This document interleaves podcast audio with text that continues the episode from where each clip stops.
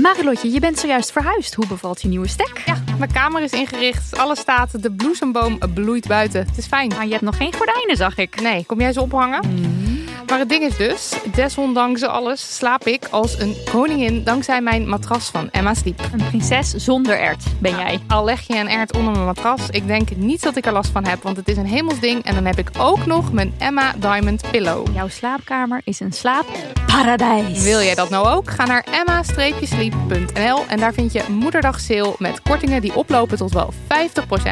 En met de code DAMNONEY aan elkaar uh, komt daar nog eens 10% extra korting bovenop. Op een dag ontdekte ik Villa Betty. Het grootste en het duurste huis van Amsterdam. Ik had het jarenlang over het hoofd gezien. Maar mijn buurman Kees niet. Hij ziet hoe zijn buurvrouw Betty op haar honderdste uit de villa wordt gezet. En al haar spullen op een openbare veiling worden verkocht. Wie heeft haar dit aangedaan? Ik ben Floor Doppen en in mijn podcast Villa Betty ga ik op zoek naar Betty's erfenis. Luister nu in je favoriete podcast-app.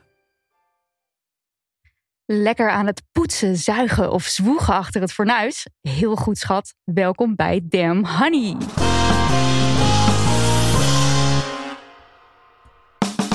De podcast over shit waar je als vrouw van deze tijd mee moet dealen. Mijn naam is Nidia. En ik ben Marilotte. En dit is aflevering 68, want uh, 69 was de vorige keer al aan de beurt. Ja, want toen was het erg met gast over seks. Dus ja, dan moet je niet anders. Dan moet je wel. Uh, vandaag bij ons in de studio het wervelende reclameduo dat Calamity Jane oprichtte. Calamity Jane maakt een eind aan stereotypes in de reclamewereld. Fiona de Vries is art director en ontwikkelt al meer dan 15 jaar reclameconcepten. En met haar werk sleept ze een prestigieuze Effie en twee Spin Awards in de wacht. Welkom. Dankjewel. Hallo. Hallo. Meteen eventjes heel benieuwd. Waar komt de naam Calamity Jane vandaan? Uh, nou, Calamity Jane was de eerste vrouwelijke cowboy. Dus zij was echt wel een pionier, zeg maar. Dus uh, vandaar dat wij daarvoor gekozen hebben. Wij voelen ons ook wel een beetje pionier in de reclamewereld. Ja. Dus, ja. Uh, of zeker met dit onderwerp. Dus vandaar de naam. Love it. Goed gekozen. Ja. Uh, je zegt al we, want uh, we hebben nog een andere helft van het duo hier in de studio. En dat is Geerke Gatshoek. Ze is tv-maker en columnist. En ze presenteert de podcast van het Klokhuis. En voor NRC doe je nu iets met tassen, ja, zag ik. klopt. Tell ja. us more. Nou, ik ga naar het depot gevonden voorwerpen. En daar trek ik een tas uit de kast. En dan ga ik kijken wat erin zit. Maak ik een foto van. Met een fotograaf. Ik kan zelf niet fotograferen. Maar uh, en dan ga ik bedenken wie zijn die mensen van wie die tas is. En ja. hoe is het zo gekomen dat die uh, kwijt is geraakt. Dus... Het lijkt me heel leuk en een beetje vies. Is het ook ja, een beetje vies of niet? aan. Je doet handschoenen aan. maar je mag die hele tas dan dus dan ja. mag je gewoon in, in pluizen. Ja, ja, ja, ja natuurlijk uh, uh, alles uh, onder voorwaarde van geheimhouding van wie het is, zeg ja, maar. Als stel er zit een pasje in of zo van iemand, dat dat niet bekend wordt. Nee, zeker niet. Ja. Nee, dat mag niet. Nee, nee. Dus ja, en heb je al een hele aparte vondst gedaan? Uh, nou, ik had er in. Ik heb net weer een dagje zitten pluizen. En toen vond ik een buidel. ja, met uh, uh, kogels erin. Oh. En, okay. wat, wat vond je? Dat was Calamity kogels. Jane die je nog even ja, iets had laten slingeren. Ja, dat was wel heel spannend. Dat ik echt dacht, zijn dit kogels? Ik had nog nooit kogels gezien. Maar ja. dat waren dus kogels. En ja, dat was wel een spannend verhaal. Maar jij vindt allemaal rare dingen in die tassen. Dus. Heel erg leuk. In NRC dus, als mensen hier benoemen benieuwd naar zijn. Ja, en uh, als ik meteen mag aanvullen. Ja. Sinds drie jaar werk ik ook al met Kiona samen in de reclame. Oh ja, dus ik vroeg uh, me af, want wij noemen onszelf altijd Forced BFF's. Mm -hmm. Zijn jullie dat dan ook? Ja. ja. Jullie zijn ja, ook, maar dan in de reclamewereld. Ja, nee, we kennen elkaar eigenlijk van een opleiding die we in 2003 of zo hebben afgerond, de Hallo Academie. Daar zijn we vrienden geworden. En toen is Geerke uh, ja, meer richting de tv-hoek gegaan. En ik meer in de, in de reclamewereld.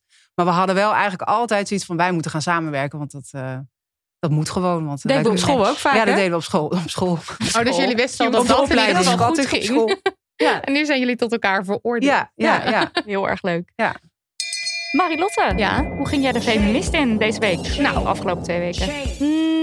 Voor de mensen die het nog niet wisten, iedereen weet het. Damn Horny is uit. Dat is ons uh, een, een, nieuw boek. Uh, het is een uh, bundel met seksverhalen, heet de seksverhalen. En we mochten erover komen vertellen.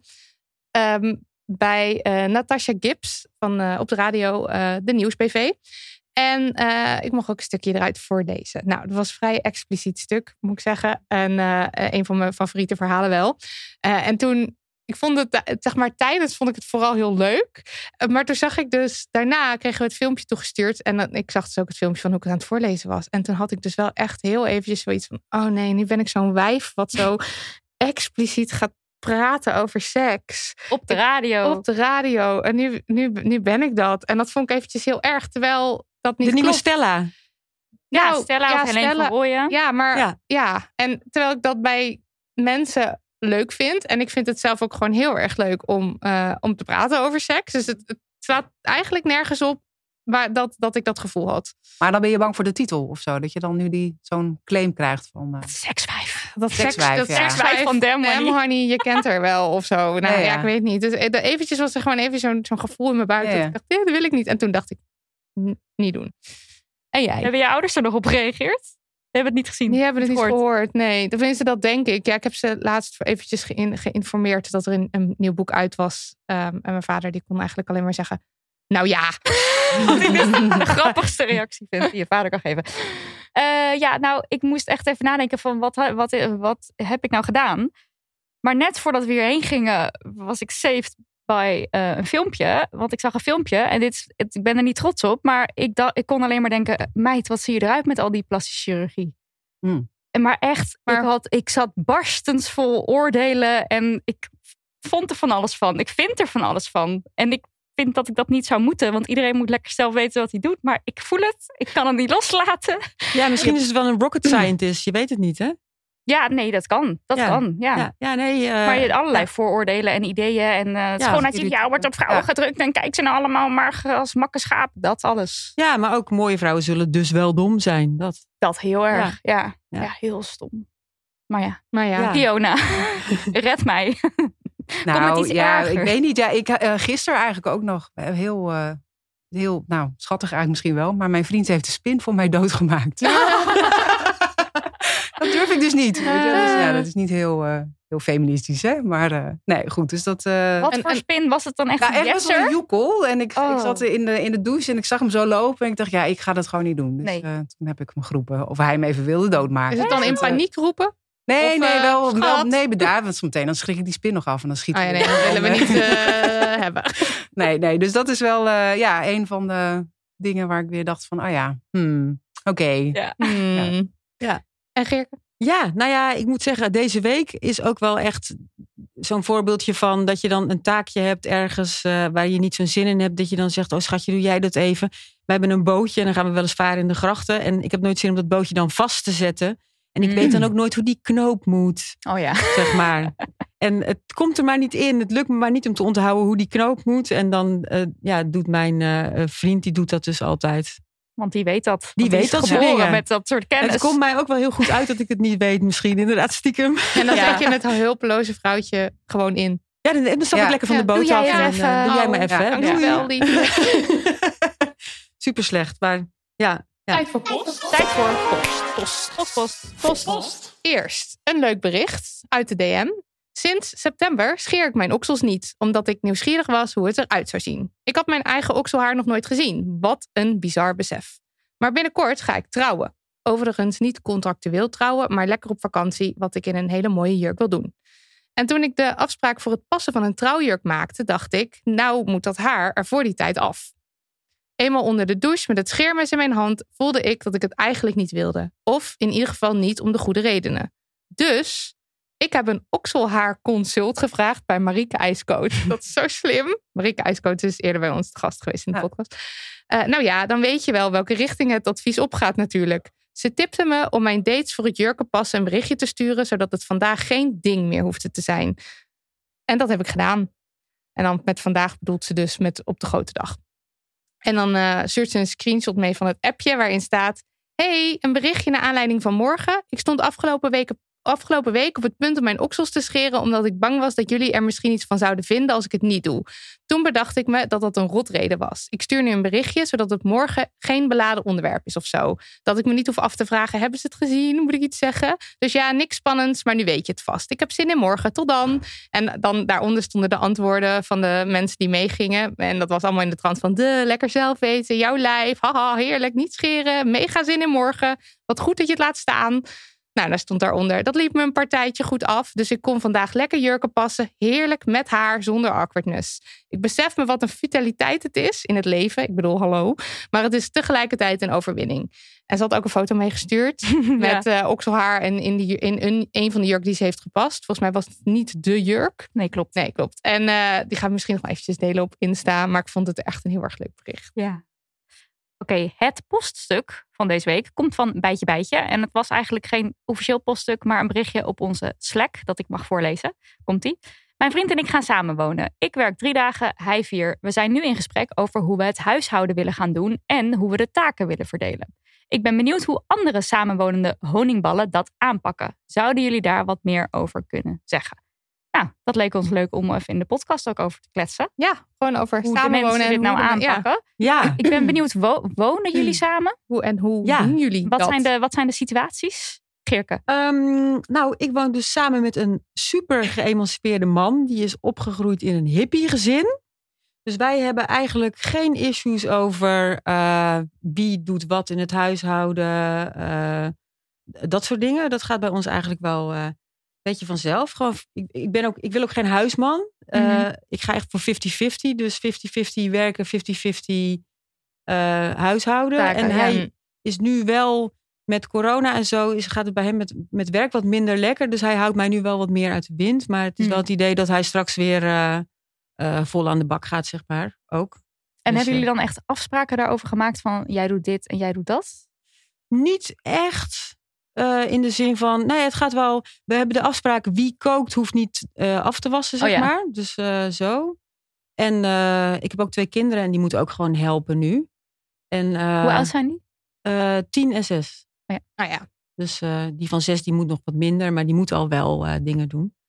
Ehm, ja, dus ik ben zelf ook zo opgevoed. Eh, mijn moeder was wel eh, best wel feministisch. eh, en eh, ja, dus die vond ook altijd van, eh, die zei ook altijd: je moet voor jezelf kunnen zorgen financieel. En eh, eh, je moet een man die ook helpt en dit en dat. Ik moest van alles, gelukkig. Maar dus ja, ik ben wel bewust daarin op, opgevoed. Ja. en hebben jullie dan ook van tevoren de afspraken gemaakt? Of is het een beetje zo gegroeid? ja, het ging eigenlijk gewoon vanzelf. Het Ja. is nooit echt een issue bij ons, dit. Want ik vind het dus wel grappig dat in het berichtje staan van... we hebben nu een gesprek over hoe we het huishouden willen doen. Eh, Hebben jullie een gesprek gehad? Over hoe ziet het bij jou eruit eigenlijk? Nee, nee we hebben totaal geen gesprek over gehad. Nee, ik, eh, eh, ik, heb, ik heb een vriend en twee kinderen. En eh, wat dat er gaat is eh, bij ons super traditioneel. Oh ja? Ja, ja, ik moet het toch eh, eerlijk eh, toegeven. nee, ja, ik kom ook uit een, eh, uit een gezin waar het heel erg traditioneel is. Dus ik, eh, ik ben heel zwaar gelovig opgegroeid. En eh, mijn vader die zei altijd, goh, eh, want ik wilde heel graag studeren. En hij zei, dat, joh, dat hoeft helemaal niet. Oh, wauw. Dus Ga maar lekker wel- achter de kassen Wauw. zitten. eh, want, en, en, en dan zodra je een man hebt, dan gaat hij voor je zorgen. En dan kan je lekker kinderen krijgen. En dan is het gewoon voor jou geregeld. Dus hoef je Ja. verder niet... dus dat was voor mij best wel moeilijk om me daaraan te onttrekken ook. Om, om gewoon te zeggen van ja, maar ik wil dit niet. Want ik wil gewoon mijn eigen geld verdienen. En voor mezelf kunnen zorgen. Ja. Maar op de een of andere manier, bij ons was het heel traditioneel. Mijn moeder die werkte niet en mijn vader wel. Dus, en hij, zij kookt ook altijd, maakte het huis altijd schoon. Hij deed ook eigenlijk niks. Ja, behalve op zaterdag ging hij een keer bami maken of zoiets. Dat was Mm, het oh ja. Oh ja, ja. Maar voor de rest snijden. nou ja, zoiets. Maar hij, nee, ik heb hem nog nooit eh, de ramen zien doen of zo, weet ik veel. Dus, dus dat is ook het beeld wat ik gewoon heb. Weet je? Dus dat is op een of andere manier neem je dat dan toch automatisch ook mee in je eigen relatie. Dus de rol die ik nu heb, ik ben echt de verzorgende moeder thuis. En dat wil niet zeggen dat mijn vriend niks doet. Ik bedoel, hij doet echt zijn best. Maar het, ja, het gaat niet helemaal natuurlijk. En hij komt ook weer uit zo'n heel traditioneel gezin. Dus dat versterkt elkaar natuurlijk heel lekker. Dus Mhm.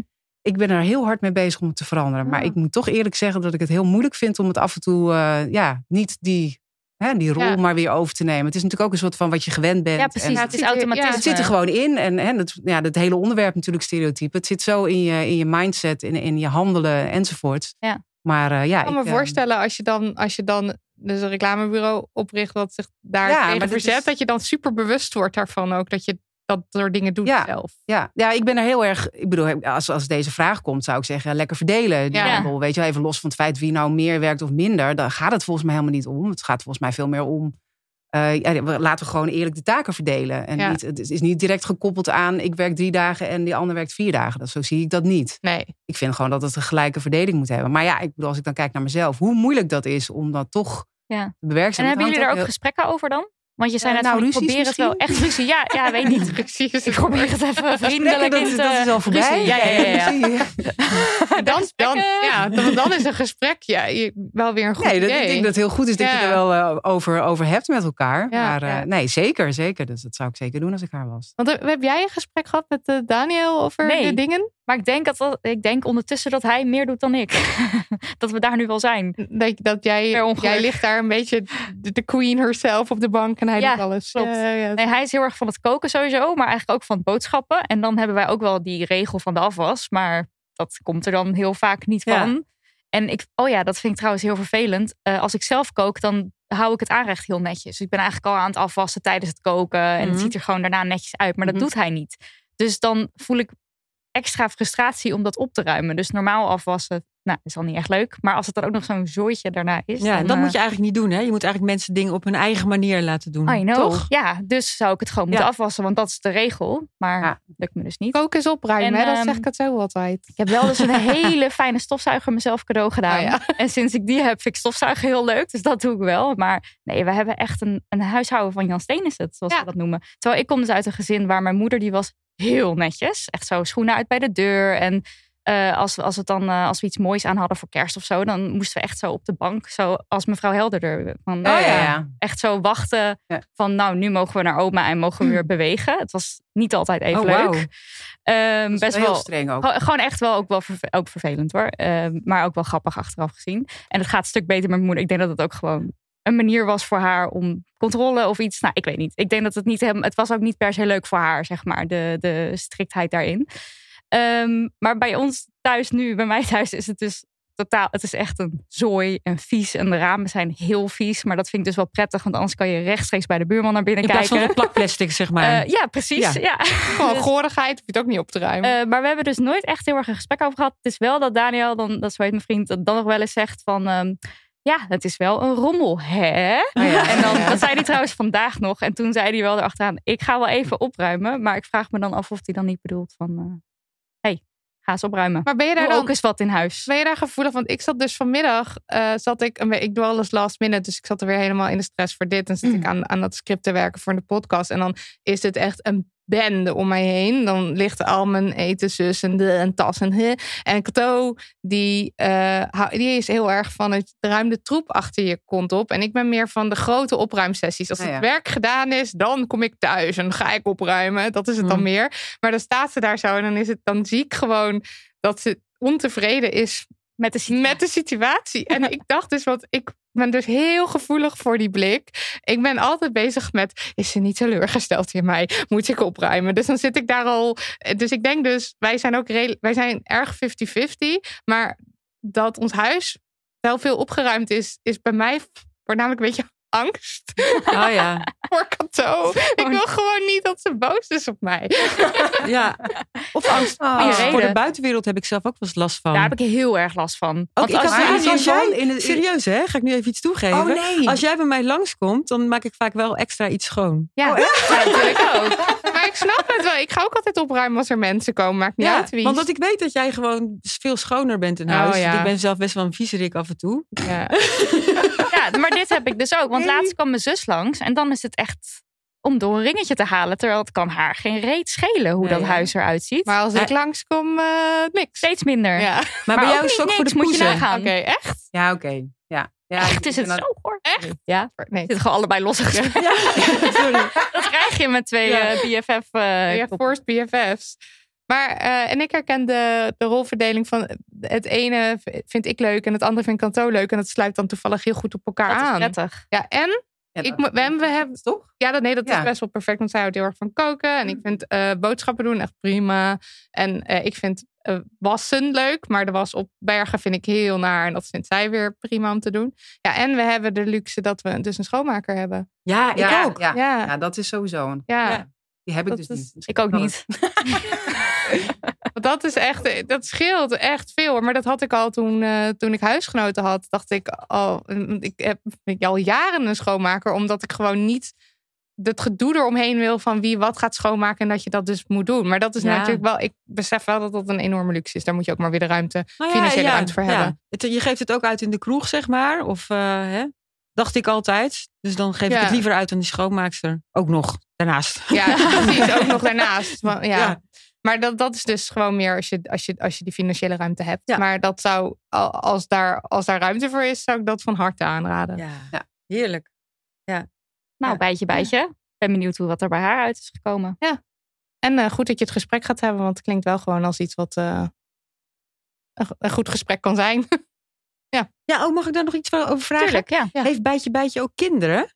Denk het niet. Maar dat is allemaal Ze gaan gaan wel wel voor vooroordelen aan de hand van niks. Want ik ken deze persoon helemaal Oh ja. niet. ja, aan de hand van, van we gaan samenwonen. Mijn Nou ja, aan de hand van wat wij nu eigenlijk, eh, waar we achter komen, is dat hoe je opgevoed bent, dat Mhm. dat best wel impact heeft op hoe je zelf later wordt. Ja. En eh, eh, ik, ik weet niet of ik het mag zeggen voor jou, dat, wij hadden het er vanmiddag nog over, toch?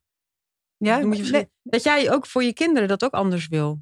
Oh zo. Ja, maar misschien moet je dat je? zelf zeggen. Ja, in de zin van, ja, omdat hè, eigenlijk het verhaal wat ik net vertelde over het traditioneel gezin Mhm. en dat ik eigenlijk ook in een traditioneel gezin zi- zit.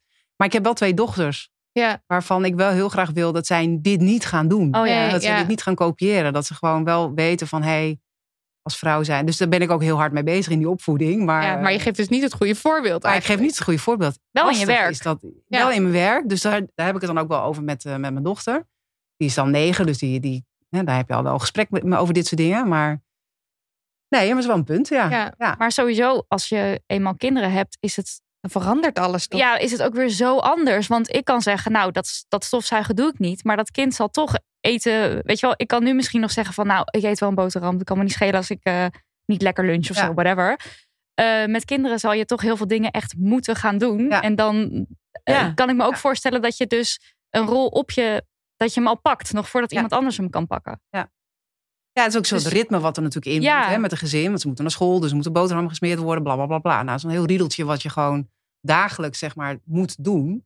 En inderdaad, als je, als je alleen bent, ja, dan heb je dat natuurlijk niet. Dan ben je er Nee. flexibeler in. Dus en- misschien ook iets minder ruzie hebben over, Ja. over schoonmaken überhaupt. Ja. denk ik, hoor. En misschien kan je het ook nog niet helemaal overzien als je nog geen kinderen hebt.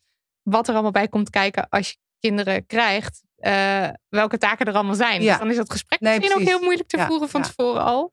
Ja, geen idee. Ik weet het niet, want ik heb geen kinderen. Sponsortijd. Sponsortijd. Jullie weten het nu wel, maar we gaan het gewoon nog een keer zeggen. Damn Horny is uit. Ons boek. Een bundel hete seks, seks, heks verhalen. Niet toevallig trouwens dat Nee. eh, het boek gisteren, eergisteren uitkwam en het nu heel heet is buiten. Oeh. Ik denk dat dat niet toevallig Nee, is. toch? hè? Nee. Iemand zei dat toch op Ja. Twitter. eh Dam Horny. Want Dam Horny is dus... eh, hij is even op. Hij is even niet meer beschikbaar. Oh, echt? Oh, Ja. ik dacht, ik hoopte nog dat we er eentje zouden krijgen. Maar we sturen hem op naar Ja, jullie. we hebben we hem op. We hebben er net Ja. over te praten. Ja. Tweede Maar- druk. Oh, wat lief. New and improved. Eh, en nou ja, we hebben de bestsellerlijst dus niet gehaald helaas. Nee, dat krijg je met al dat boekenweekspel. Ja. Het is dus nu boekenweek. En AFTH van der Heijden ligt met zijn stemvork Oh, met zijn overal één natuurlijk. Ja. Ja. Oh, Mijn jeetje. bloeddruk heeft daar moeite mee. Ja, maar dat boek ligt echt... Want we zijn dus nu naar een paar boekhandels geweest om even ons boek te signeren. En die, die man die ligt overal, Echt in elke overal, etalage echt. met stapels. moet Je iedere moet jullie boek boek er ervoor zetten. Ja, toch? Dat is een heel goed idee, maar het is op. Ja, jammer. Maar anders, Ja. maar als mensen, als hij weer in de winkel is, dan raden we, roepen we iedereen op om dat vooral te doen. Vanaf volgende week is hij er weer. Even kijken, deze aflevering verschijnt op zaterdag 5 juni, als ik dat goed heb. Ja, dus aanstaande woensdag. En dat is dan ergens de tiende of zo. Zou het dan dus weer in de winkel moeten liggen. Gewoon woensdag. En, Gewoon woensdag. Gewoon woensdag. En, eh, oh ja, en om je nog wat extra warm, warmer, hot te laten lopen hiervoor... hebben we nu ook een bonusreeks online gegooid over Dam Horny. Ja, en dan praten we met auteurs die aan de bundel hebben meegewerkt. We hebben er nu drie online staan. Eentje met Tatjana Almouli, eentje met Mooi Ramona... en onze uitgeefmeid zelf, Meerte Spiteri. Ja. En ik zei in de laatste aflevering... we hebben vier afleveringen gemaakt... maar er was even een technische difficulty. Dus die komt later nog. Dat was de aflevering met Shedda. Ja, en sowieso willen we nog een tweede batch gaan maken. Wordt helemaal. Eh, dus je kan je lekker inluisteren. En dan als je daar dan een beetje zo langzaam mee doet, dan ligt dat boek eh, weer eh, in de winkel zodra je klaar bent met luisteren. Dus eh, koop hem. Via libris.nl kun je hem opstellen. bestellen.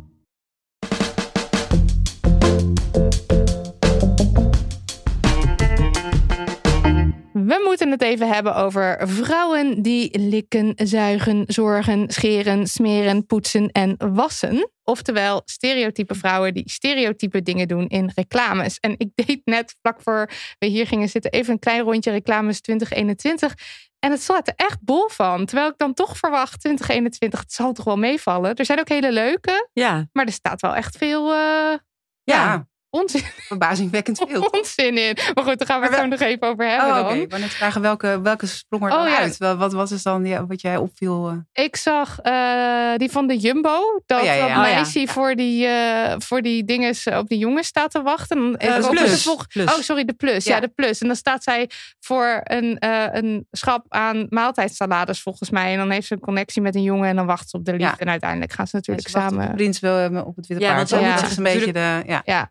Afwachtend opstellen. Ja. hè? ja, en eh, nou ja, de Albert Heijn eh, met Ilse vind ik ook, maar goed, daar hebben wij al vaker over eh, geag- tegen geageerd. Ook Mm. verschrikkelijk. Ja. En ik zag er eentje van de Hubo, waar dan ehm, mannen weer voor de vrouwen komen oplossen dat, dat er allemaal vliegen binnenkomen. En dan installeren ze Oh, het ja, vrouwtje. ja, Ja, dus dat is gewoon wel weer typisch. Dat dat dan.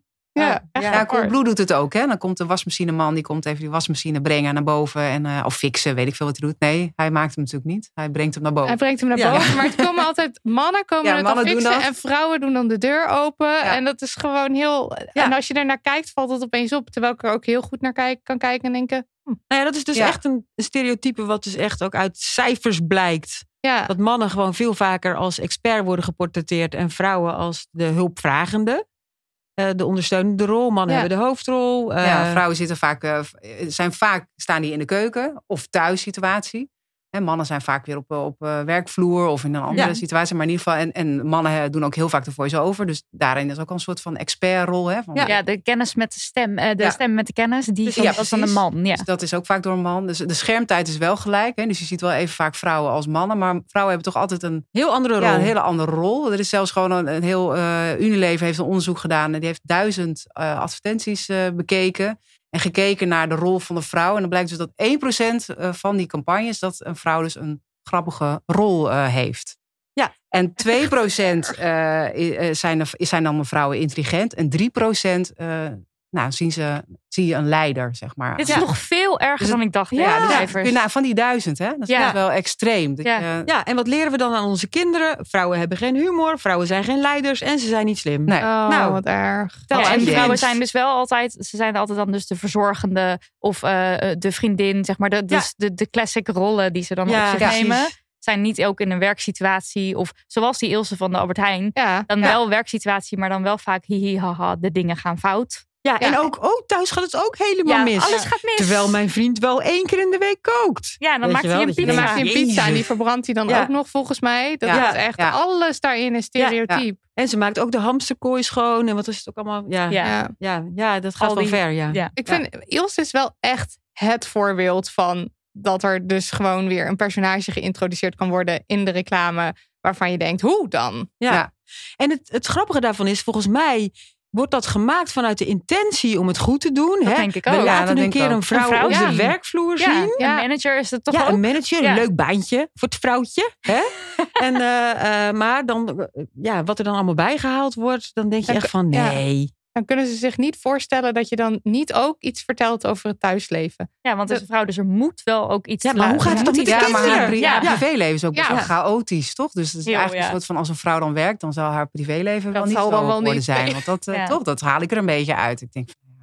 Maar Ja. goed, de Jumbo doet dat natuurlijk precies hetzelfde. Ja, de. Jumbo, daar zit ik niet zo... Daar, Nou, Nou ja, Jumbo dan is zie je, met Frank je Frank Lammers. Lammers. En dan zie je hem, eh, die komt dan binnen en zij zit te werken achter de laptop. Eh, ze heeft een Zoom-meeting. En dan gaat hij naar de keuken en dan zegt ik ga eens even lekker voor je koken. Hè? Een lekker, eh, wat zegt hij, nou, Huismannetje. huismannetje. Oh ja. wiebelt hij even met zijn billen. En dan, eh, en dan zij wordt daar helemaal, helemaal Heel- verslag is zij. Want ze Oh, zegt, ja. "Ja, het de warm." man staat in de keuken, Ja. weet je wel. En dan, ja, het is ook wederom volgens mij echt wel met de beste intenties gemaakt. Ja, want hè, we zetten werkt. Precies. Ja. Dus, maar dat is dan toch weer echt die subtiliteit die erin zit. Waarvan je denkt, ja, maar dan sla je eigenlijk net de plank mis. Ja, dus dat want is gewoon... als de eh, man kookt, dan is het dus zo bijzonder dat Ja. die vrouw er helemaal er Ja, wordt de warm van heel, krijgt. eh, en ja, eh, warm denkt. Helemaal oeh, apart. wat heb ik toch een leuke Ja, sterker nog, Ja. ze wil Ja. geloof ik... eh dat Ja. stuurt ze die kinderen op een gegeven moment ze, weg. laten jullie even de lekker- laten jullie de Oh, mensen. Oh, dan Ja, gaan ja, zij lekker voor de sexy time. Ah. Ja, Ja, ja. Dus Met dat, Frank eh, Lammers. ja. Nou, wie Ja. wil dat nou niet? Ja. En zien. Eh, hoe zijn jullie reclamewereld ingerold eigenlijk? En is dit dan iets wat altijd al opviel? Want hoe lang geleden is dat? Dat jullie reclames zijn gaan maken? Nou, ik, ik zit nu inmiddels al 15 jaar. Ehm, van origine ben ik interieurarchitect, maar die projecten die duren mij te lang. Zeg maar, het is best wel een lange adem die je moet hebben voor interieurklussen. Dus toen ben ik de reclame ingegaan. En eh, dus ja, dat doe ik dus nu al iets van 15, eh, 15 jaar. Maar dit is niet een onderwerp geweest wat vanaf dag één al, eh, al speelde. Dat, het ging meer over de werkvloer. Hè? Want er werken gewoon heel weinig vrouwelijke creatieven eh, in de reclame. Hmm. Dus dat is wel wat ik heel erg voelde. Weet je, dat je toch als vrouw zijn, dan moet, moest ik wel echt heel erg mijn best doen Ja, ja. om gehoord te worden. Want ik heb dan iets van zeven, acht jaar met een copywriter gewerkt en hij, hij was man. En ehm, ja, ik merkte dan toch wel heel vaak dat als ik iets wilde vertellen, eh, dat ik wel heel hard mijn best moet doen om gehoord te worden. Dat klinkt een Mm. beetje zielig, maar het is op het moment dat ik iets zei, dan was het, oh ja, en dan zei hij precies hetzelfde en was het geweldig. Weet je, en dat, dat, viel mij zo op. en ik werd er voorbeeld. zo verdrietig van. Dat ik Ja. ook echt dacht van, waarom doe ik dit vak? Een kutvak. En ging ik weer jankend naar huis, weet je wel. Dat niveau. Want het is ook een beetje van, wat voor type vrouw ben je? En de een heeft natuurlijk een hele grote bek en ja, die, die redt het wel. Maar als je wat minder, hè, Ja. minder zo eh, in het leven staat... ja, dan is het soms best wel eens lastig om, om je staande te houden in die wereld. Dus, maar goed, ik heb wel eh, doorgezet... omdat ik het wel belangrijk vond om... om ik vind het ook gewoon heel leuk werk om campagnes te maken... Maar het is eigenlijk de laatste paar jaren dat wij ook, ook nou ja, goed, ook omdat we gewoon samen wilden werken, dat het- dit onderwerp ons ook Ja. wel mateloos irriteerde. Dat het nog steeds eh, hetzelfde is. Dus Ja. Ja. Ja. Maar we hadden dat idee eigenlijk een paar jaar geleden al, hè, om hier iets mee te doen. Ja, maar toen, toen dachten we van, nou ja, is, dat, is het eigenlijk wel echt zo? Is het niet een gevoel wat je hebt? Of klopt het eigenlijk wel met de, dat er hè, één zo'n commercial eruit springt en eh, je denkt, oh, ze zijn allemaal zo, Ja. dat het eigenlijk helemaal niet waar is. Maar dat, toen zijn we het gaan uitzoeken. Ja. Toen zijn we eh, de universiteiten gaan bellen en de onderzoeksbureaus gaan bellen. eh, gevraagd of er onderzoek naar gedaan was, eh, getallen erbij gehaald. En toen Nou, bleek het was- nog veel ja. erger te zijn dan we dachten. Ja, precies. Ja, precies dat. Nog Ja. erger dan. Want wij, die aannames waren er wel, maar je denkt dan nog, ach, het zal ook wel wat meevallen. Ja. We leven ook in een andere tijd. Dus de hè, dus Nou. bureaus zullen daar wel in meegaan. Ja. Ja. Maar dat is dus niet zo. Ook omdat die werkvloer zijn nog steeds... Ja, de 85% van, van de eh reclame mensen, Van de creatieve van de die zijn En gewoon man. Mannen. en wit. Ja. Ja. En er zijn maar 15% vrouw. En dan van die 15 zijn maar 4% eh, eh, creatief directeur. Dus er is ergens een soort van afhaakmoment voor heel veel vrouwelijke creatieven. Want er zijn wel heel veel jonge vrouwelijke creatieven die dit vak starten, hierin starten. Maar dan toch halverwege afhaken. Ja, en ik denk toch dat het hiermee te maken heeft. Dat ze toch denken van ja, nee, ik heb helemaal geen zin in die witte toestand. Eh, en ik voel Ja. me niet gezien. En, Ja, en dus ook dat je dus overschreeuwd wordt door iemand Ja. met jouw eigen verhaal. Ja. En het staat gewoon niet op het prioriteitenlijstje. Nog niet voldoende bij heel veel reclamebureaus. Dat, Nee. dat is gewoon. Ze, ze zien wel de, de noodzaak, denk ik. Maar dan is het, ah ja, kom wel, weet je wel. Of eh, ja, maar we doen het nu eerst zo. Of eh, weet je, het is een soort van uitstel. Ja, of, of eh, we, willen wel, we willen wel, maar dan. Of ook qua divers zijn bijvoorbeeld, weet je wel. En dan wordt er iemand van kleur in een commercial ingezet. Terwijl de hele werkvloer nog steeds Ja, ja, hartstikke wit is, Ja, zeg maar. Ja. Dat is ook wel belangrijk. Waarvan, hè, de hele Clemity Jane, hoe we dat ook hebben opgezet. Is dat we dus ook echt een platform hebben met vrouwelijke creatieven. En een divers platform. Ja. Dat vinden wij ook wel echt heel belangrijk. En dat die vrouwen ook gewoon een plek krijgen. Weet je, want die opmerking komt ook heel vaak. Ja, maar waar zijn die vrouwen dan? Weet je wel? Nou, Ja, bij ons. nou, hier. bij ons. ja. En, wij, en wij willen ze ook verzamelen. Het mag, wat dat er gaat, nog veel, veel meer mogen zich aanmelden. Ja, dus bij dus- deze, bij deze. Een oproep bij deze. Ben je eh goede creatieve reclamemaker? Meld je aan bij Ja. ons. Want eh, eh, hoe meer, hoe beter. Ja. Hè? Ja. Kunnen we ook Ja. impact maken. Hè? Hoe meer vrouwelijke reclamemakers er komen. Want je hebt gewoon een andere blik als vrouw. En dat is denk ik waar het vaak mank gaat. Dat, eh, eh, omdat er zoveel mannelijke makers zijn. En die willen wel, die doen hun best wel. Maar ze slaan toch net die plank weer mis. Weet Ja. je? Ja. Dat. Ze En dat is die male gaze. Ja, Ja, de male gaze. En wij hebben natuurlijk allemaal de male gaze. Jij ook, jij ook. eh, Hè? Wij, eh, omdat we in dat sopje met z'n allen zijn gewassen van de maatschappij. Ja. hey, mooi, dat vind ik leuk gezegd. Ja. Toch? Ja. En Ja, Dus, wij zijn allemaal opgevoed met het idee... jongens zijn eh, eh, stoerder, beter, grappiger. Ja. eh, Avonturiers. ja, dat. Ridders, piraten. Kom daar maar eens Ja. vanaf. Ja. Hè? Dus, en, en merken hebben de power om dat, die beeldvorming te veranderen. Want merken zijn de nieuwe goden natuurlijk. Hè? Mensen geloven, gaan niet meer naar de kerk, maar die zijn van Nike of van Adidas Mm. of eh, weet ik veel wat. De- dat vinden ze belangrijk. Of daar identificeren ze zich mee. En als eh, zo'n merk een heel ander beeld neerzet van, van vrouwen bijvoorbeeld, dan kan dat echt impact maken. En was er nou een specifiek moment dat jullie dachten, nu ben ik er dan klaar mee en we gaan zelf hiermee? Of dat er een bepaalde reclame of zo weer voorbij kwam? Ehm, nou, het specifiek moment weet ik niet e- exact eigenlijk. Of Maar- dat er een bepaalde reclame uitsprong. Dat je dacht, nu, nu, nu kan het niet langer. Dit is de druppel. Nou, het is meer dat we, eh, wat we net eigenlijk ook al een beetje zeiden, die aannames die waren de hele tijd wel van, hè, tuurlijk, maar het is ook soms zie je het zelf niet eens meer, hè, wat, wat Gik ook net zegt, omdat we allemaal zo in die stereotypen denken, dus dat je het zelf niet eens meer ziet, maar we hadden wel die aannames en op het moment dat we het zijn gaan onderzoeken, ja, dat, toen werd het alleen nog maar meer bevestigd, dus dat gevoel van wij moeten dit veranderen, die, Ja. dat kwam steeds Ja. meer, waardoor we ons ook heel erg gesterkt voelden in, in deze, deze missie. Eh, Volgens mij zei jij op een gegeven moment ook tegen mij. Zei je, wist je dat het eigenlijk best wel bijzonder is dat wij twee Ja, vrouwen ja, zijn die ja, in de ja. reclame Ja, werken als ja. team? Dat dat bijna niet eh, voorkomt. Nee, dat komt ook niet veel voor. Er zijn gewoon weinig vrouwelijke creatieven. Echt die, de campagnemakers, zeg maar, die... Ja, Ja. ik ken er wel een aantal, maar het zijn er niet genoeg in mijn, eh, mijn optiek. Dus dat... eh, Ja, dus eh, daar kwam het volgens mij ook een beetje vandaan. En net noemde je eventjes wat, wat grote merken zoals Nike, Adidas. Zijn er voorbeelden van dit soort merken die het wel goed doen? Of reclames? Ehm, ja, die zijn er zeker wel. We zagen net nog een, eh, eh, een paar voorbij komen, toch? ja, we hebben eh, Starbucks heeft het. Oh, ja, door ook. elkaar, Ja, ja. als, we hadden het net over ontharen. Maar Ja. en Feet heeft, heeft een onwijs goede campagne. ja, die werd ons ook toegestuurd. Ja. Vertel eens. Nou ja, het gaat gewoon over eh, wat je ook wil, weet je. Of je het Ja. wil laten groeien of niet. Of eh, nou, doe wat jij, eh, waar jij je goed En- bij voelt. Oh, dat is top. Voor ja. de en- eerste dan keer zie je- je, echt haar in Ja. beeld ook. Ja, en niet van die, van die hele dunne, gladde beentjes. En dan dat je echt denkt, nou, er zit helemaal geen haar, weet je. En dan eeuwige scheermesje en, in de en ook zo badkamer. scheren en met dan- een balletbeen, hè? Ja. Zo gestrekt. Zo'n Dus, glad geschoren eh, balletbeen. Ja, dus dat, dat ook niet. Hè? Dat je denkt van, waarom zit je in die badkamer? Ik zie nul haren en je bent toch aan het scheren. wat doe je? Ja. Ja. Dus, eh, maar dit, hier zag je gewoon okselhaar, beenhaar, eh, schaamhaar, alles in beeld. En de, de voice-over vertelt ook zoiets van, hè, eh, van eh, dat haar is, is, is, is eh, prima. eh, hangt er vanaf wat jij ervan vindt, weet Ja. je wel. Dus eh, wat jij wil, dat is eigenlijk de boodschap. Ja. Nou ja, dat is prima natuurlijk, lijkt mij. Ik zag Ja, ook een eh, reclame van de IKEA die volgens mij wel best oké was. Best wel heel inclusief.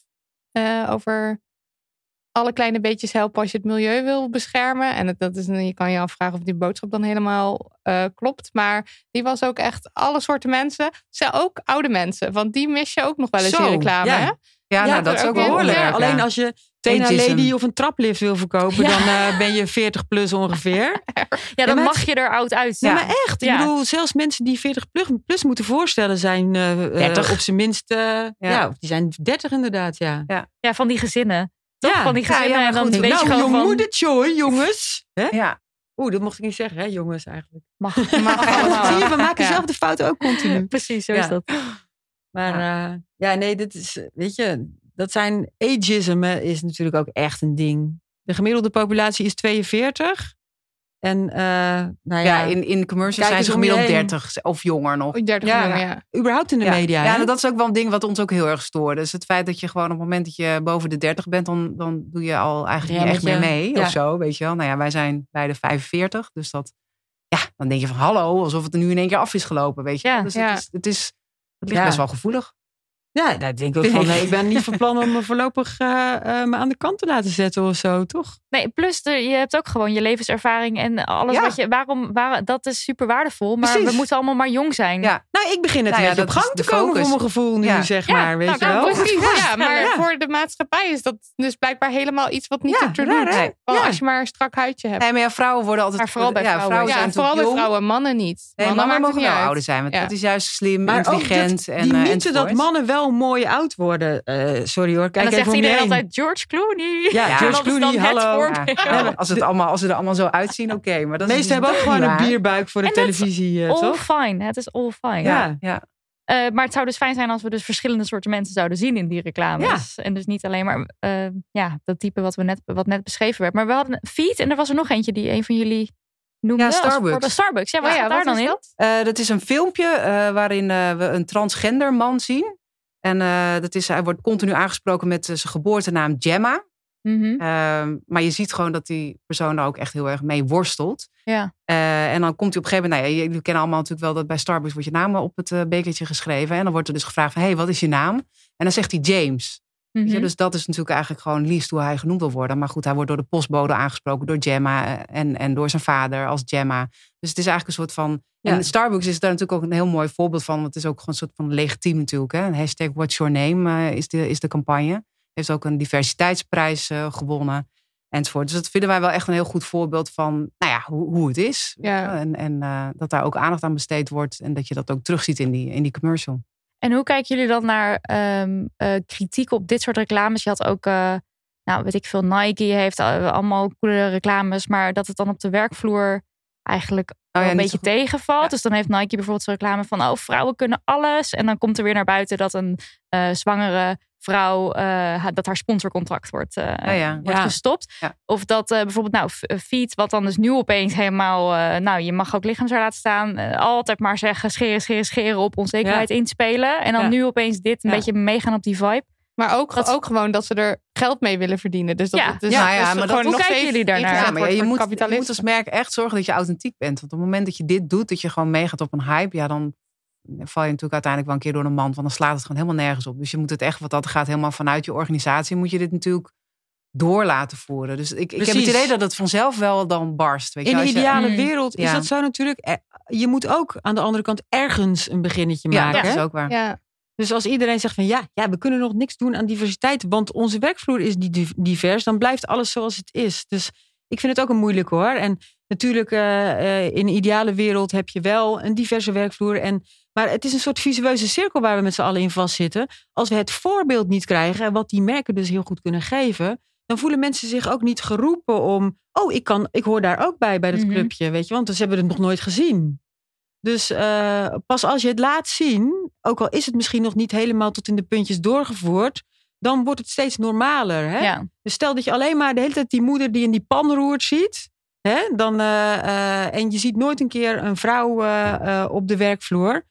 Dan denken meisjes die zien dat, die denken, oh oké, we leren door te kijken, hè? heel Ja. erg. Beeldvorming. Maar Dus, je, eh, je kan moeilijk natuurlijk tegen een bedrijf zeggen: Oké, jullie werkvloer is niet in orde, dus jullie mogen alleen maar reclames laten zien van vrouwen die in pannen roeren. Nee, want precies, dat ook Nee, nee, raar ja. zijn. Maar je hebt natuurlijk bijvoorbeeld, eh, het is nu Pride Month. Nou, Nou, je ja. loopt maar door de Kalverstraat en je Ja. ziet elke winkel die heeft daar een gezellig Pride. regenboogje hangen. ja. En dan heb je, dat is dan rainbow washing, wordt dat dan genoemd. En daar is kritiek dus- op. En dat is altijd, ik vind het Ja. gewoon interessant om daar... Ja. Maar ik zit me daar dus wel ook wel over op te winden. Omdat ik, ik. ook denk.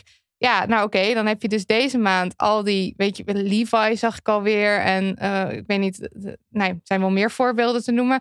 En dan kan je je dus wel afvragen, wat doe je dan voor de LHB, Mhm. eh, LHBTI-community? Maar dat is toch ook weer, ook weer wat anders. Want dan proberen ze, dat is echt gewoon heel tijdelijk of zo. Dat Dan is het echt gewoon puur meevaren op money-making. Pride Month en dan daarna is het klaar. Terwijl de reclames van, zeg maar, die stereotypen doorbreken, dat lijkt me een soort ongoing ding. Dat is niet ergens aan gebonden. Maar misschien is dat onzin, weet ik niet. Ja, het is natuurlijk, ja. Ja, jullie ja, ik denk wat, ook wat, wat Geerke zegt. Ik bedoel, als jij als merk gewoon transparant bent hierin, Mhm. dan heb je volgens mij al heel veel gewonnen. Ik bedoel, als jij een campagne maakt met diversiteit erin, maar je werkvloer is dat nog niet. Ja, dat kun je natuurlijk ook gewoon, weet je, en daar komt uiteindelijk wel hopelijk verandering in. Maar je kunt ook niet alles in één keer goed doen. Hè? Ja. Dus dat is wat dat gaat. Zou Als je je daar als merk transparant over bent, dan ja, vind ik dat heel, eh, heel, heel legitiem. Ik bedoel, ja, precies. Dus dan zou je zeggen, dan gaat het meer ook om de intentie. Dan is Ja. het merk misschien nog Ja. niet helemaal perfect, maar Nee, maar Dan willen ze wel. beginnen, toch? Dat Ja. wel, eh, Ja, en je kan natuurlijk ook moeilijk opeens de helft van je personeel op straat zetten en zeggen: Sorry, voor jou eh, een divers eh, eh, ander eh, personeels, weet ik veel, bestand. Ja. Dat kan ook niet. Die kan niet zomaar, dat zijn ook mensen, weet je wel. Ook al zijn ze misschien Ja. allemaal wit. dus het is ingewikkeld natuurlijk. Ja, ja. Maar als je zeg maar in je actief in je aannamebeleid, zeg maar, je vacatures die je opstelt, dat je daar focust op een diverse personeelssamenstelling, dat lijkt mij wel slim. Maar goed, het is een beetje off-topic misschien. Nou ja, helemaal niet. nee, Nee? wel interessant. Oké, Ja, zit er helemaal bij. oké. Hebben jullie wel eens gehad voor het hele Calamity Jane verhaal dat je eh, van een opdrachtgever de vraag kreeg van nou, wil je dit plaatje uitwerken? En dat het dan heel stereotyp was. Ehm, ik denk dat de reclamewereld überhaupt nog op een hele stereotype manier functioneert. Ehm, er wordt bijvoorbeeld heel veel gewerkt eh, met persona's. Ik weet niet of Mhm. jullie daarmee bekend zijn. Nee. Nou, je hebt een doelgroep hè, en die doelgroep die heeft eh, bepaalde eh, hobby's en voorkeuren en motivaties. En eh, marketeers die, die maken daar één persoon bij die model staat voor die doelgroep, Oh, voor ja. die Dus klant. dan heb je bijvoorbeeld eh, Mark. En Mark is dan 35. Precies, eh, die ideale witte man, klant. eh, Houdt van van, eh, ja, precies. En Drinkt zijn- bier. En En dan hebben ze vlees. helemaal dat helemaal uitgedacht. Precies. Wie hij dan is. Ja, Ja. dat, dat. En eh, in principe, eh, wat daarin belangrijk is, is om rekening te houden met de motivaties en drijfveren van die, eh, die mensen die dan die persona's zijn. En eigenlijk doet bijvoorbeeld gender, leeftijd, relatiestatus, dat soort dingen, dat doet er eigenlijk helemaal niet toe. Ehm, zeg ik dat goed? Ja, dat zeg je goed. Ja, nou mooi. En Nou ja, dat doet er niet toe. Maar soms, soms zal het er misschien wel toe doen met een bepaald product. Nou ja, kijk, op het moment dat jij, eh, eh, dat gebeurt nu waarschijnlijk al, als je nu zegt man 35 of Mark, hè, Mark Ja. 35 woont in Amsterdam, is getrouwd, Meteen een plaatje. eet vlees Ja. Of, en drink bier. Nou, dan heb je een plaatje. Ja. En dan al het andere, daar heb je geen ruimte meer voor in je hoofd, want je denkt alleen maar aan Mark. En op het moment, en wij hebben daar onderzoek ook naar gedaan. En het zijn ook allemaal onderzoeken geweest over personen. En hoe moet je daar inclusief mee omgaan. Ja. Dus op het moment dat jij ehm, eh, eh, een markt creëert. Maar je doet bijvoorbeeld een genderneutrale naam. Dus ik zeg eh, Sam, Robin. Sam of Robin. Of, hè? Mhm. En je ziet, mm, je ziet Robin. En je ziet er andere fotootjes bij. Want Robin kan namelijk ook een vrouw zijn. Hè? En nou, je ziet gewoon verschillende mensen. Waardoor je in één keer denkt. Oh, wacht even. Ik praat tegen deze groep mensen. Waardoor je in één keer je, je perspectief wordt veel breder. In plaats van alleen maar marken, bier, bla, bla. Weet je wel? Dus dat... Snap je een beetje? Zo zo Ja, werkt het. En het, het eh, gaat direct is het een soort van... Oh ja, mijn, mijn perspectief wordt breder. Dus ik weet ook dat ik tegen, ook tegen haar moet praten. En, en nou, enzovoort, enzovoort. Dus Ja. Ja, dus Dat werkt heel erg goed. meer genderneutraal. Ja, waardoor je ook diverse communiceert. En dus Ja. niet alleen maar in dat ene hokje denkt. Want dat is natuurlijk het gevaar wat, wat dat... eh, Ja, want, Ja. want Mark is obviously van de Remia barbecue saus. precies. Waar dan op staat eh, Voor echte, voor echte mannen. Echte mannen. Ja. Ja. En soms moet je je natuurlijk gewoon alleen op vrouwen richten. Als je bijvoorbeeld tampons verkoopt of zo. Hè? Tuurlijk, er zijn Of op natuurlijk ook... transmannen. Ja, oké.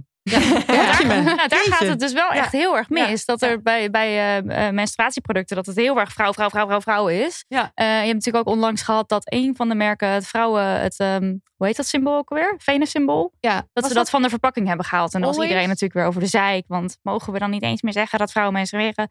Nee, mag niet. Mag niet van de feministen. Maar Nou, dan, dan, ja. zit- dan zit zo'n zo'n genderneutraal persona. Pers, ja, persona helpt dan heel erg. Want dan kan je zeggen, nou, Robin en die gebruikt maandverband. En dan kan je daar ook de transmannen bij betrekken. Ja. Ja. Passen daar dus dan Ja, gewoon Ja, die passen daar zeker bij. Ja. Ja. Dat is, En je manier van communiceren vanuit een merk. eh, En je communiceert dan naar die doelgroep. Ja, dat, dat, je voelt al direct dat het wat doet. Weet je? Ja. Dat je ook gewoon meer mensen daarmee bereikt. Dus met je manier van communiceren. ja. Dus dat is eh, Dus een eigenlijk- win-win situatie. Ik, had, ik zag heel erg voor me dat jullie dan vroeger echt zo heel vaste opdracht kregen van bier. En dus mannen krijgen het Nee. uitgesfeerd door een sexy vrouw. Maar het is meer gewoon het hele, de algemene werksfeer is gewoon al heel erg Hm. stereotype Maar ja, en goed. Ik, ik bedoel, ik heb me er zelf ook wel schuldig aan gemaakt hoor. Dat ik Ja, dat gewoon, zal wel. eh, stereotyp denk. Maar ja, als er bij ons een, eh, een klant binnenkwam, uh, Libresse, ik zeg maar wat. Ja, driemaal raden wie die klus kreeg. Ja, dat, Ja, dus oh, dat ja, is natuurlijk ja. wel, eh, weet je, Ja. oh ja, dat kan Kiona wel doen, weet je wel. Ik bedoel, Ja. dat, dat is natuurlijk wel, eh, want ik snap dat natuurlijk als geen ander. ja. Nee, jij hebt- Ja, en je hebt natuurlijk ook nog, eh, los van die stereotypen rondom bijvoorbeeld vrouw zijn, heb je ook nog bij een maandverband reclame, heb je al zoveel jaar aan blauwe vloeistof wat in maandverband gegoten Oh ja. wordt. Ja, ja. Dat je dat misschien als reclamemaker ook wel meeneemt. En dat je denkt, Ja. oh, zo gaan we het weer doen. In plaats van, nou, nu gaan we gewoon een keer lichaamshaar, bloed of whatever Ja, laten maar- zien. Maar bijvoorbeeld die blauwe vloeistof, is dat iets wat jullie al opgevallen was? Want ik moest echt even, mijn ogen moesten echt even geopend worden. Eh, Blauwe vloeistof. Ik weet nog dat mijn moeder daar vroeger, toen ik kind was, al eh, altijd tegenaan Al het ageren was. Oh ja. Ja, Oh. Maar we komen echt van ver, hè? ja, Ja, Ja, als het nee, gaat over uit die- de oude doos. Die, ik weet nog heel goed, als als klein meisje zat te kijken naar de tv en was er een commercial van Pons, Pons eh, gezichtscreme. En die vrouw niet meer, die, eh, volgens mij. Nee, volgens mij idee, nee. dat merk, maar goed. Ehm, en dan wordt zij gefotografeerd door haar vriend. En die zoomt dan in met zo'n zoomlens. En, die, en dan op haar lachrimpeltjes. En dan trekt hij echt zo die camera weg. En zo van, oh nee. oh nee, je hebt rimpels. Weet je wel dat? erg. En die Oh, vrouw die is dan ook echt helemaal zo van... oh, je hebt het erg dat ik jou vrouw. teleurstel. Want ik, eh, ja, ik Oh, ben ook ouder. En, ja, enzovoort. En dat maakte zoveel indruk op mij. Ja, en dan gaat ze smeren. Ik dacht echt van, oh, dit mag ik dus nooit. mag nooit mag rimpels nooit rimpels hebben, weet je wel. Ja. Dus dat, Ja. dat is wel een soort van, nou, even in het kader van wat merken kunnen doen. Ja. Eh, Ja. Dat is wel even de projectie die je dan eh, op je netvlies hebt. Van, oh ja, ik... eh, Nou, de ontknoping was nog erger. Want eh, toen had die vrouw inmiddels twee weken met eh pons gesmeerd. Hè? En toen waren die rimpels helemaal weg. En toen waren ze weer samen op een uitje. En toen ging die man foto's van haar maken. En Toen was Nou, hij helemaal gelukkig. Ja. Oh mensen. Maar daar Ja. komen we vandaan. Ja. Dat is best wel behoorlijk hard. Als je het zo bekijkt, dan eh, Valt het allemaal hebben we nog al wel zoveel mee. stappen gemaakt. Dat is helemaal niet nodig. Dat hele gaat eigenlijk eh, hartstikke goed. Kan wel opdoeken. en, maar, en is er ruimte voor kritiek? eh, zeg maar als je het hebt, als je in de reclamewereld kritiek hebt erop, is daar ruimte voor? Kan je daar iets over zeggen? Of, eh, of, of word je dan Nou, meteen doodge... Volgens mij is niet iedereen wil het nu heel Ja. graag eigenlijk wel goed doen, maar ze weten niet hoe. hmm. En eh, eh, wij worden nu ook eh, eh, benaderd door andere reclamebureaus die zeggen van kunnen jullie het ons uitleggen hoe het Oh, moet, zeg maar. ja. En eh, ja, dus Heel dat is hoog super- tarief voor rekenen. Ja. Als je dat ooit gaat doen. Maar dat is dus super leuk, weet je wel. Mensen willen wel. En je merkt ook wel, de laatste eh, gaven we een presentatie ook aan een merk over ons bureau. En dat de mensen die bij die call zaten, dat die ook allemaal heel erg voorzichtig waren en heel erg bang waren om iets fout te zeggen. ja. En eh, dat mensen ook echt op hun tenen lopen. En weet je, dan proberen we ook altijd te zeggen, wij maken ook fouten, weet je. En Ja. dan kan iemand je erop wijzen en dan kan je zeggen, oh ja, dat had ik me helemaal niet gerealiseerd. En de volgende keer gaat het wel goed. Ja.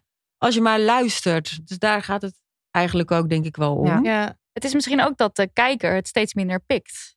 Dit Ja. soort dingen.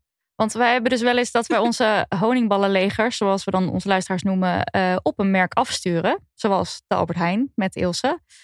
Ehm, en wij vragen ons af, helpt dat? Tuurlijk. Denken jullie? Ja? Tuurlijk, ja. Komt ja. dat dan uiteindelijk wel terecht Zeker. ergens? En dan, eh, Ja, maar, joh, er zijn genoeg voorbeelden. Ik bedoel, eh, laatst, of laatst, het is alweer een tijdje geleden. Maar dan hing er een abri eh, in de bu- bushokjes van Gamma. En dan zag je een, eh, een vrouw een lampje Lamp indraaien. en dan indraaien, ja. Ik kan het. Of Ja. New York pizza met de bloemkolen van zo lekker kan Oh bloemkool ja, zijn. dat is ook nog helemaal niet Nou zo ja, lang weet je, dan hoef je, hoef je eigenlijk, ik, ik wind me daar ontzettend over op, maar tegelijkertijd hoef je ook niet bang te zijn dat dat, dat, dat gewoon geaccepteerd wordt. Want de hele media gaat er overheen en, en, dat, is ook, Tuurlijk. en daar, hè, dat is dan ook gelijk weer een persmoment. Dus, ja. dus er wordt genoeg aandacht aan besteed. Dus ik denk echt dat het, dat kan gewoon echt niet meer. Dus ik denk dat dat eh, heel goed Nee, is om kritiek te blijven leveren. En En, ik denk hè, dat als je, als je allemaal van die mailtjes binnenkrijgt.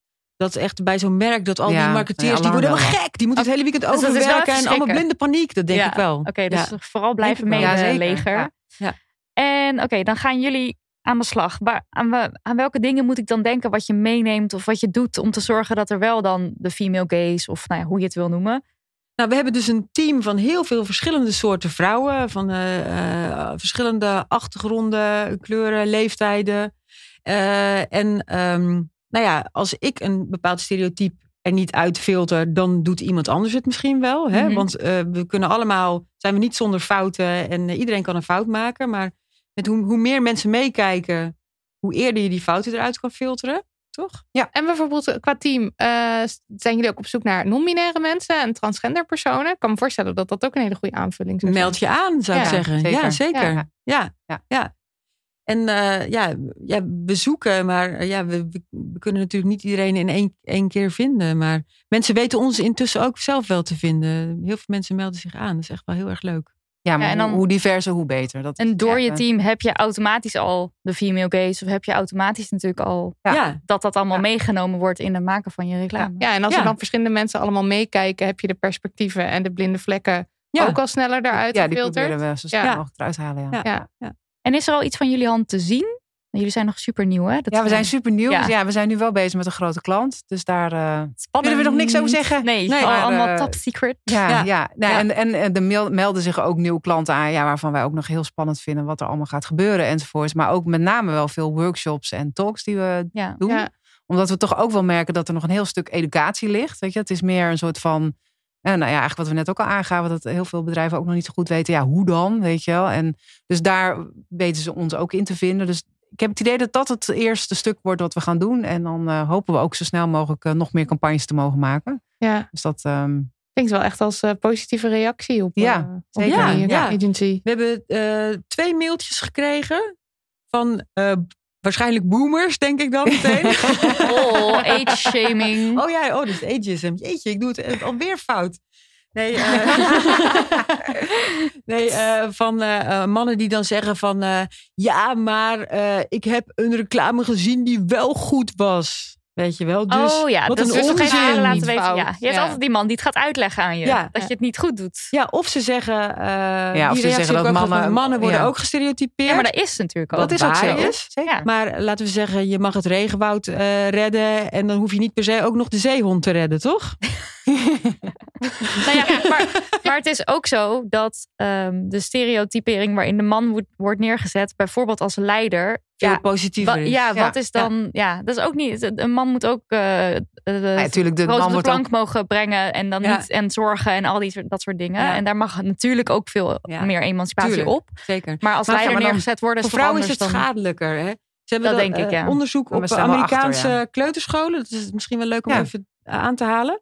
Ehm, dan vroegen ze aan kinderen. Van zeven, toch? Echt heel jong. al. ja, ja. ja, of misschien nog wel jonger. Maar vroegen ze van wie willen later president worden? En dan staken evenveel meisjes als jongens hun vinger op.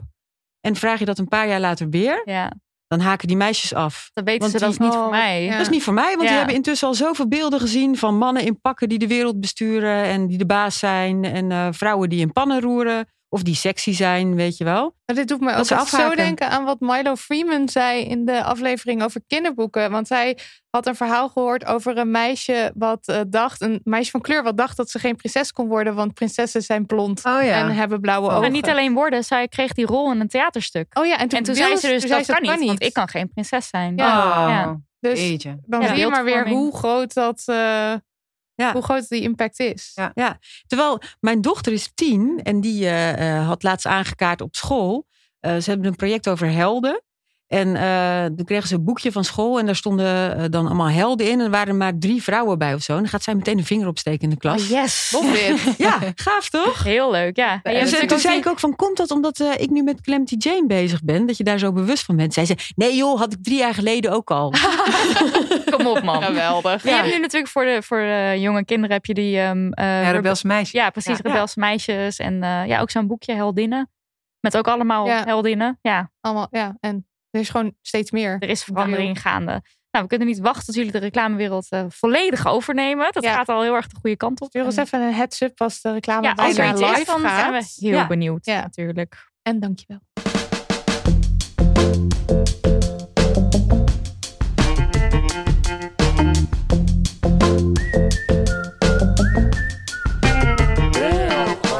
Tijd voor onze afsluitende rubriek de Damn Honey Yes en No. Marilot, je hebt de No. Ja. Daar werd je wild woest van deze week. Eh, stemvorken staat op één. Omdat hij op één staat, staat hij ook op één in jouw Damn Honey No lijstje. Ja. Dat was eventjes... Staat hij echt op één? Nee, ja, misschien niet in de bestsellerlijst. Ik kan zo eventjes checken. Wacht, ik check nu. Check nu. Bestseller. Hebben jullie dit meegekregen? AFTA van der Heijden, die schreef een boek over lesbische. Over scharen, toch? Ja. Ja. En Marilot is boos gewoon al drie weken. Heel erg lang al. Nee, Drie nog weken lang. Ja, ik weet niet Oh. maar misschien staat hij er nog niet in. Oh jawel, hij staat op 11. Nou, wij staan er niet in. Dus dat Dus dat zegt alweer genoeg. Ehm, nee, ja, dus dat eh, is mijn ene. En ehm, nou, ik las iets op AT5 wat me echt de kriebels gaf. Namelijk dat eh, in april, en dit is dus nu net in het nieuws gekomen, een Amsterdamse vrouw per toeval ehm, een camera ontdekte in haar woning. Eh, en stiekem geplaatste. En eh, ze heeft aangifte gedaan. En nu heeft de politie een verdachte aangehouden. En blijkt dat eh, het gaat om de schoonmaker van de vrouw. Die die camera dus ehm, de, daar heeft geplaatst. nou, dat vind ik al een vreselijk verhaal. Hij is Oh. nu aangehouden en zo. En hij, hij, werkt onder de, of hij werkt bij haar onder de naam Joey. Maar de politie is nu onderzoek aan doen. Want er zijn waarschijnlijk wel meer slachtoffers. Omdat hij wel bij meer mensen eh, schoonmaakte. En ik vind dat zo'n horrific. Oh, wat vreselijk. Ik bedoel, dan ben je toch helemaal van de kaart. Ja, enorm. Nou, dat was me Waar stond een- die camera ook? Heb je daar de details over? Waar moet ik zoeken? ik heb geen schoonmaker. Dus Ze deden verder dat. Volgens mij hebben ze dat niet bekendgemaakt. Maar ik zag wel een plaatje van die camera. En het was dus echt, echt zo'n klein dingetje. Gewoon iets waarvan ik echt. Dat zou je gewoon niet vinden. Tenzij je dus inderdaad het heftig je huis overhoop aan het halen bent om redenen. Maar hij Eh, heeft het dus bij meerdere... Ja, dat is het vermoeden nu. En er wordt nu aange of hij wordt nu verhoord, denk ik. En dat komt misschien dan straks wel naar buiten. Maar oh my fucking Oh, lord. Ja. Oh, wat erg. Smerig. Ja, Heel oh ja. smerig. Ja. Ik dacht kort maar krachtige no. Want Nidia heeft heel veel jessen. Ja, ik zag best wel veel leuks voorbij komen. Ja. Ongelooflijk. Gebeurt heb- nooit. In een soort vogelvlucht een TikTok-video voorbij zien komen. Niet heel goed bekeken, maar snel gezien. Van middelbare schoolmeiden die protesteerden tegen kledingvoorschriften. Ja, onder vierse muziek ook. Ja, met en dan gingen ze zo allemaal en- korte rokjes aandoen. En dan zo op hun benen schrijven van eh, dit is gewoon huid of whatever. Ja. Dat is wat ze schreven. Vond ik heel leuk. Dan zag ik vandaag dat het ANP vanaf nu genderneutrale voornaamwoorden eh, gaat gebruiken voor mensen die aangeven: hey, zou je alsjeblieft een genderneutraal voornaamwoord bij mij willen gebruiken? Best wel bizar dat dat, dat nieuws moet zijn, maar toch.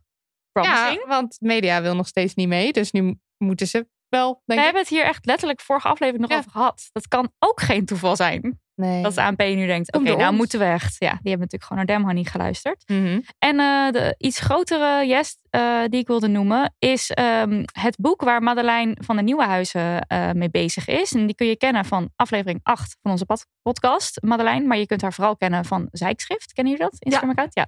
Eh, en haar nieuwsbrief Vrijschrift.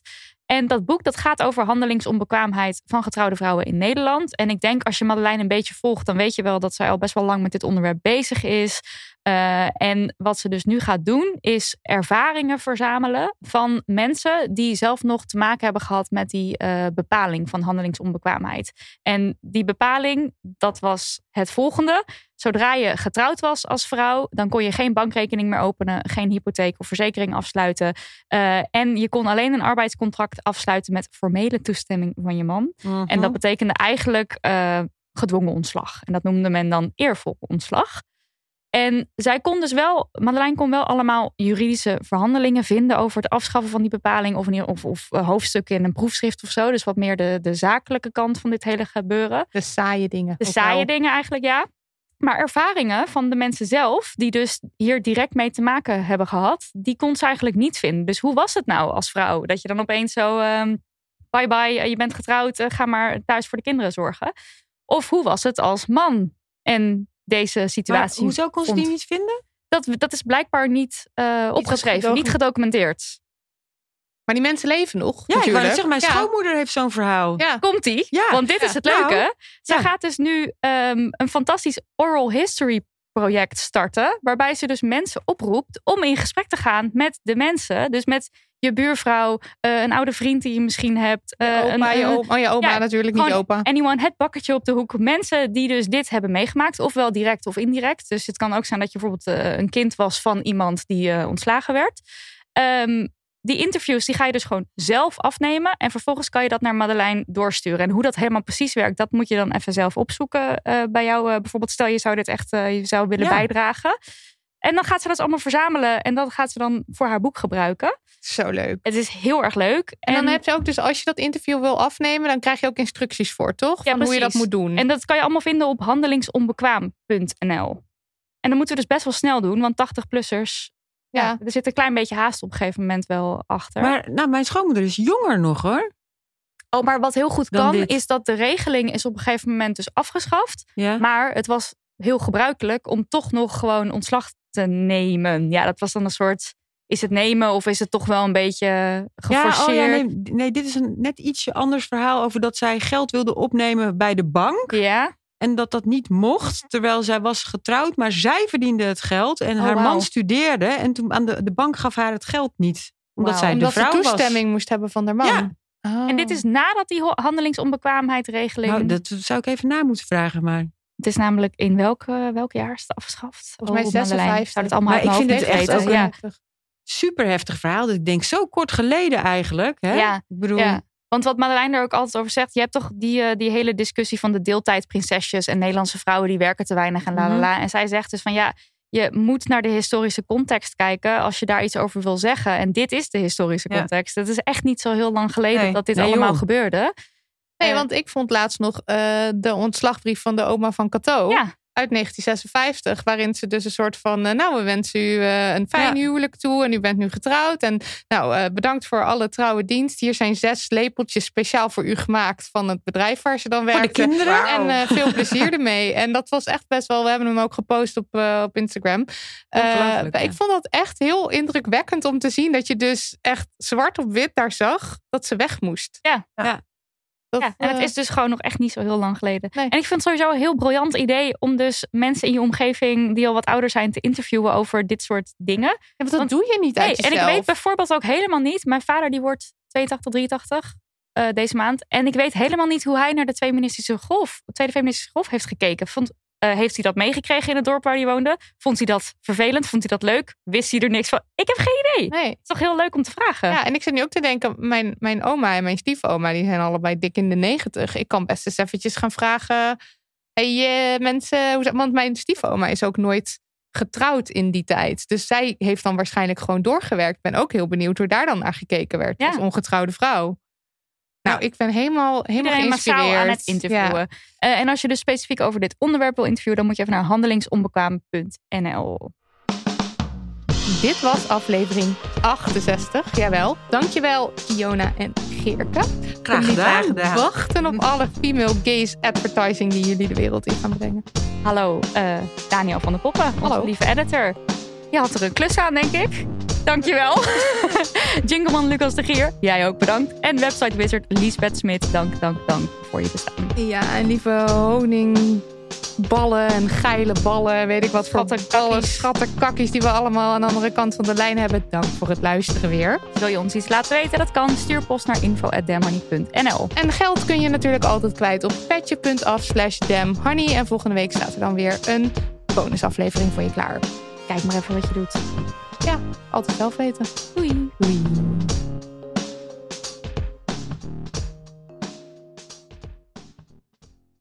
Kussens, bedden, matrassen, beddengoed. Emma Sleep heeft het allemaal. Ga naar emma-sleep.nl om van jouw slaapkamer een slaapparadijs te maken. Er is nu moederdag sale gaande met kortingen die oplopen tot wel 50%.